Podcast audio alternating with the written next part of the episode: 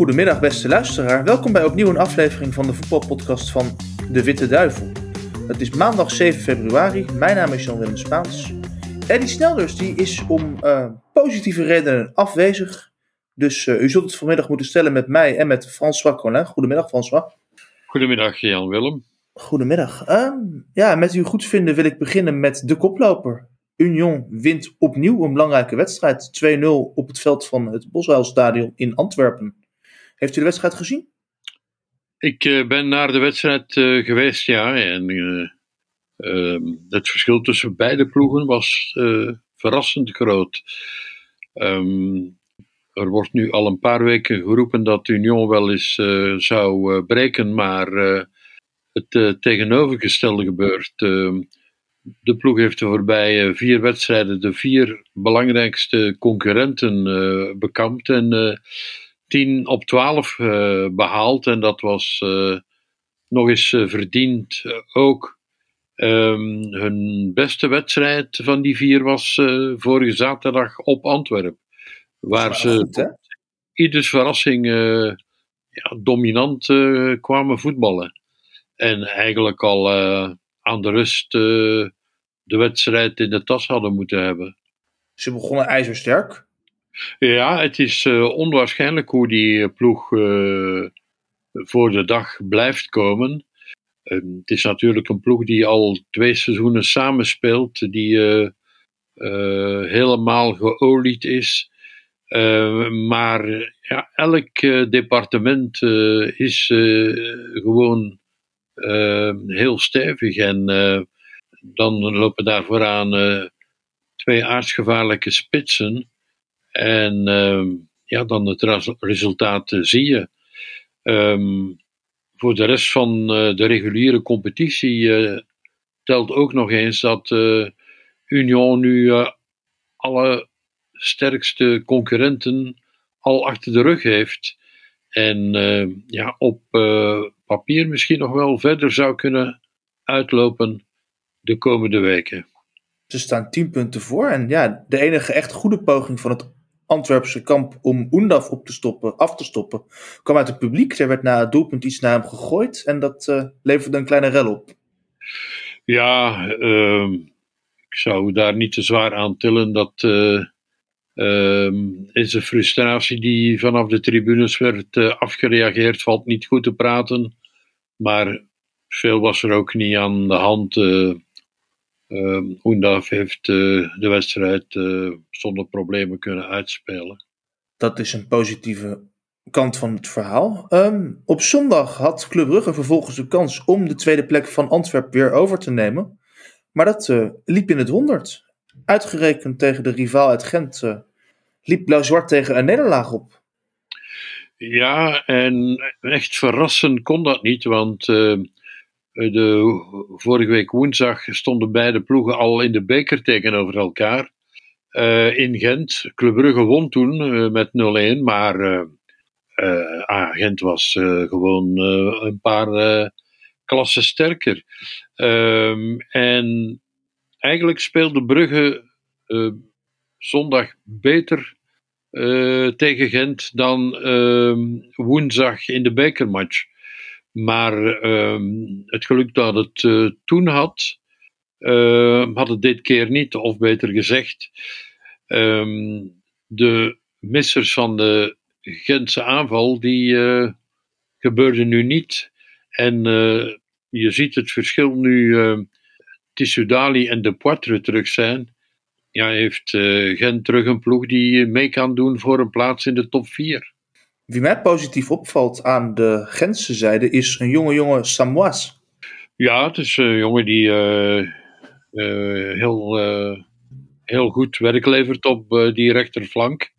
een eigen product, dat is vrij zeldzaam in Gent. dus een, een jongen die ze, die ze moeten koesteren. Maar het belangrijkste voor Gent is toch wel de terugkeer van een aantal basispionnen. Dat maakt van uh, de ploeg toch wel een, uh, een heel ander team. En vooral Tissou Dali is toch wel een speler die uh, de Buffalo's moeilijk kunnen missen. doordringen voor een plek bij de eerste vier. Want Gent staat nu op de zesde plaats, drie punten achter Charleroi en vijf achter nummer vier Anderlecht. Ja, en vergeet Racing Genk niet, want die hebben nog, uh, ik denk, drie in, inhaalwedstrijden. Die hebben twee, in, twee inhaalwedstrijden. En Mechelen ook inderdaad. En die hebben nog vier punten meer dan Genk. Ja, dus die kunnen nog uh, heel dicht uh, bij Anderlecht komen op plaats vier ook. Dus het gaat toch nog spannend worden. Waarbij het hielp dat Anderlecht na een slechte reeks geen fout maakte tegen Eupen. En op zondagavond met 4-1 won. Ja, het was een overtuigende zege. Uh, maar wel een zege die het eigenlijk uh, cadeau kreeg. Na zeven minuten stond het al 2-0. Twee weggeefdoelpunten van Eupen. En ja, van, van dan af domineerde Anderlecht de hele wedstrijd.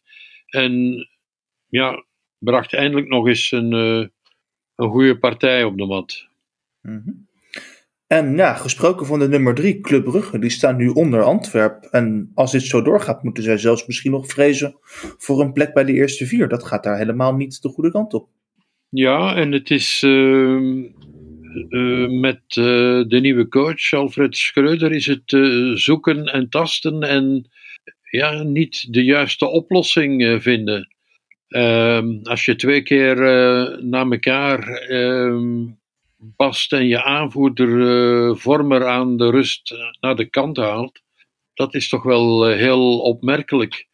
Uh, Odoi heeft nu anderhalve wedstrijd meegespeeld en al op vijf posities gestaan. Ja, het geeft toch de indruk dat Schreuder niet goed weet wat hij aan moet met deze spelersgroep. Het is gegogel waar de ploeg eigenlijk geen tijd voor heeft. Dit kan het zich niet permitteren met thuiswedstrijden tegen Charleroi en Antwerpen nog op komst in februari. Ja, en in deze fase van de competitie, en zeker als je 12 punten achter staat op de koploper, kan je eigenlijk geen puntenverlies meer veroorloven. Het moet dus eh, heel snel beter eh, worden bij club. Want anders loopt Union nog veel verder uit. Het is een sprookje waar de volledige Europese media bovenop zit. Um, gaat het sprookje ook goed aflopen? Het is een vraag die ik iedere week wil stellen. Ik heb uh, vorige week tegen ja. Eddie al uh, gezegd dat ik uh, denk dat het gaat lukken. Ehm, en ja, de prestatie van Union op Antwerpen heeft mij alleen maar gesterkt in die overtuiging. Het is gewoon de beste ploeg van het land. Uh, en een, alleen een enorme dosis pech uh, uh, lijkt mij nog in de weg te kunnen staan. Want al die andere ploegen zijn en blijven ook kwetsbaar en zullen ook onderling punten verspelen. Um, ja, het is mij niet echt duidelijk hoe ze gaan Union teruggrijpen. Mooi, een mooi bruggetje dat u gaf met een enorme dosis pech. Want de grootste dosis pech van dit speelweekend in België viel denk ik op te tekenen op Sclessin. Een late winning goal van Sissako, die voor buitenspel wordt teruggevlacht. En vervolgens uh, op sociale media circuleerde wijd en, wijd en breed het, uh, de beeldenis van de varlijn. Het was niet te zien, toch? Ik heb die beelden zelf uh, niet gezien, moet ik zeggen. Ehm, dus ik kan er, zelf, ik kan er niet over oordelen. maar ehm, uh, ik ben een van de mensen die vindt dat we met die buitenspelregel toch een beetje en die, die uh, zogenaamde lijn, dat we daar toch wel een, beetje uh, voorzichtiger moeten mee omspringen. Het voordeel van de twijfel moet altijd naar de aanvaller gaan. Um, je weet dat bij het trekken van die lijn je altijd afhankelijk bent van het moment, de seconde, minder dan de seconde, want er zit een x aantal beelden per seconde in, uh, dat de man die de lijn trekt uh, uitkiest. Als hij um, een fractie van een seconde later of vroeger de lijn trekt, dan maakt dat een enorm verschil uit. Dus het, wat mij betreft moet het duidelijk buitenspel zijn voor je een doelpunt kan afkeuren. Duidelijk. Los van dat alles is het toch bovenal van een ongekende treurigheid dat het trotse standaard een buitenspelgoal in de 95ste minuut nodig zou hebben om te kunnen winnen thuis van God beter Cercle Brugge. Ja, maar uh, Standaard is een ploeg die op dit moment alleen naar onder moet kijken. Ehm, helemaal uit de degradatiezone is het nog niet. En hoger, hogere ambities zitten er gewoonweg niet in. En de club heeft besloten om klacht in te dienen bij de voetbalbond over de situatie, had ik gelezen. Maar wat houdt dat in? Dat begrijpen wij in Nederland niet zo goed. Wat gebeurt er als je klacht indient tegen de voetbalbond? Ja, dit is een uh, kansloze zaak. Eh, de wedstrijd uh, is afgelopen. Ehm, de scheidsrechter heeft het doelpunt afgekeurd en daar, daar blijft het ook bij. Maar in uh, België worden voortdurend klachten uh, ingediend. Mm -hmm. het is God geklaagd met, met, met de, de, clubs en de manier waarop ze met puntenverlies omgaan. Want wat willen ze dan? Willen ze dat de voetbalbond sorry zegt? Willen ze dat de goal alsnog telt? Of willen ze gewoon aandacht? Ik denk dat ze dat laatste willen, maar ja, iedereen die de reglementen kent, weet dat dat gewoon niet kan gebeuren. Dus uh, uh, gewoon een, uh, een kansloze zaak. Duidelijk. Standaard moet naar onder kijken. Helemaal onderaan vinden we nog steeds Beerschot. Um, ja, vorige week hebben Eddy en u al afgekaart dat die ploeg niet meer te redden is. En als je ook tegen tien man in Bechelen niets haalt, dan weet je dat de redding wel heel ver weg is. Ja, alhoewel er toch nog wel wat veerkracht in die ploeg zit. Want vorige week hebben ze een uh, 3-1 achterstand, denk ik, eh, opgehaald. Ja, nu hebben ze, hebben ze van uh, 3-0 toch nog 3-2 gemaakt. Dus er zit nog wel wat veerkracht in. Maar ja, die uh, ploeg haalt geen punten. En de kloof is nu echt wel gigantisch. Nee, dit uh, is echt uh, voorbij. Dit is, gaat richting 1B uit.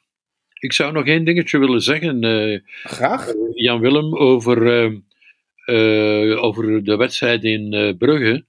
Tuurlijk. Met de rode kaart voor Noah Lang. Ja, die had aan de scheidsrechter gezeten. Ja, ehm, nu in, in ieder geval, de tuchtcommissie heeft hem vrijgepleit. Dus okay. er komt geen sanctie. En uit beelden zou nu blijken dat het eerder Clinton Matta was die ja, de hand van de scheidsrechter zou aangeraakt hebben. Het deed mij deden, denken aan een, aan een voorval uit begin jaren tachtig met Jean-Marie Faf, die ehm, bij de begroeting ehm, voor de wedstrijd de grensrechter een, een kniestootje zou gegeven hebben. Okay. Zeker, de man heette Tyrion, herinner ik mij nog. en uh, Jean-Marie is toen uh, maandenlang geschorst geweest. En om maar even aan te geven hoe het voetbal toch in 40 jaar veranderd is. De openbare omroep besliste toen om geen beelden uit te zenden van het voorval, totdat de tuchtcommissie de sanctie had okay. uh, bekendgemaakt. Uh, een onbegrijpelijke beslissing, vooral toen bleek dat op die beelden niets te zien was. en Faf dus ten onrechte geschorst was geworden en, en, geschorst is gebleven. Ehm, dat zijn toch allemaal toestanden die nu niet meer zouden kunnen. De moraal van het verhaal: Noah Lang moet heel blij zijn dat het 2022 is. Uh, absoluut, maar hij moet toch ook begrijpen dat hij bij dergelijke momenten zich best niet in het gewoel begeeft en, en daar ver weg moet blijven. want het is een echte driftkikker en hij heeft een bepaalde reputatie al opgebouwd en ja, dan riskeer je dit soort reacties. Duidelijk. Zijn er u verder in het afgelopen voetbalweekend nog dingen opgevallen die u met de luisteraar wenst te delen? Ja, dat op een uh, aantal plaatsen uh, de publieke belangstelling toch echt wel enorm uh, blijft tegenvallen. het is toch al de tweede week dat toeschouwers terug toegelaten zijn. Ehm, weliswaar, weliswaar maar 70% maar ja, sommige stadions komen nauwelijks aan de helft. op Anderlecht viel de belangstelling mij enorm tegen en nog meer gisteravond bij, uh, bij Racing Genk. Het uh, is toch iets wat de clubs echt uh, zorgen moet baren. Ja, ik was zelf verleden week bij Beerschot en daar was ook 70% toegelaten. Maar nou ja. Ja, maar dat en, is een ploeg, een ploeg die helemaal onderin staat. Daar kan ja. je nog verwachten dat de mensen het opgegeven hebben en thuis blijven. Maar het was echt waar 30% dat er zat. Het was echt helemaal leeg, uitgestorven. Ja, ja, ja. Maar er was één tribune, die was voor de vrije verkoop van losse tickets. Dus dan kon je zien dat naast de abonnementhouders hadden ongeveer, ja, ik denk 30 mensen zich de moeite genomen om te komen kijken. Ja, ja een week geleden uh, was bij uh, AA Gent uh, tegen Antwerpen waren er 10.000 toeschouwers, terwijl de club 14.000 abonnees heeft. Ja, en tegen Brugge in de beker moesten ze ook uh, moeite ja, doen. Bekerwedstrijden, om, uh, bekerwedstrijden worden altijd, uh, zijn, dan is de belangstelling altijd veel lager in België. -hmm. Maar als, ja, je, als je bijna een derde van je abonnees hebt die thuis blijven, dan ja, moet je je toch vragen stellen. En het is nog vroeg om, om er misschien een trend in te zien. Maar de clubs moeten toch oppassen dat ze alle supporters recupereren van uh, voor de lockdown. Dat zou mooi zijn. Zijn er verder nog opmerkingen voor u? Niet dat ik mij, dat mij zo meteen te binnen schiet, nee.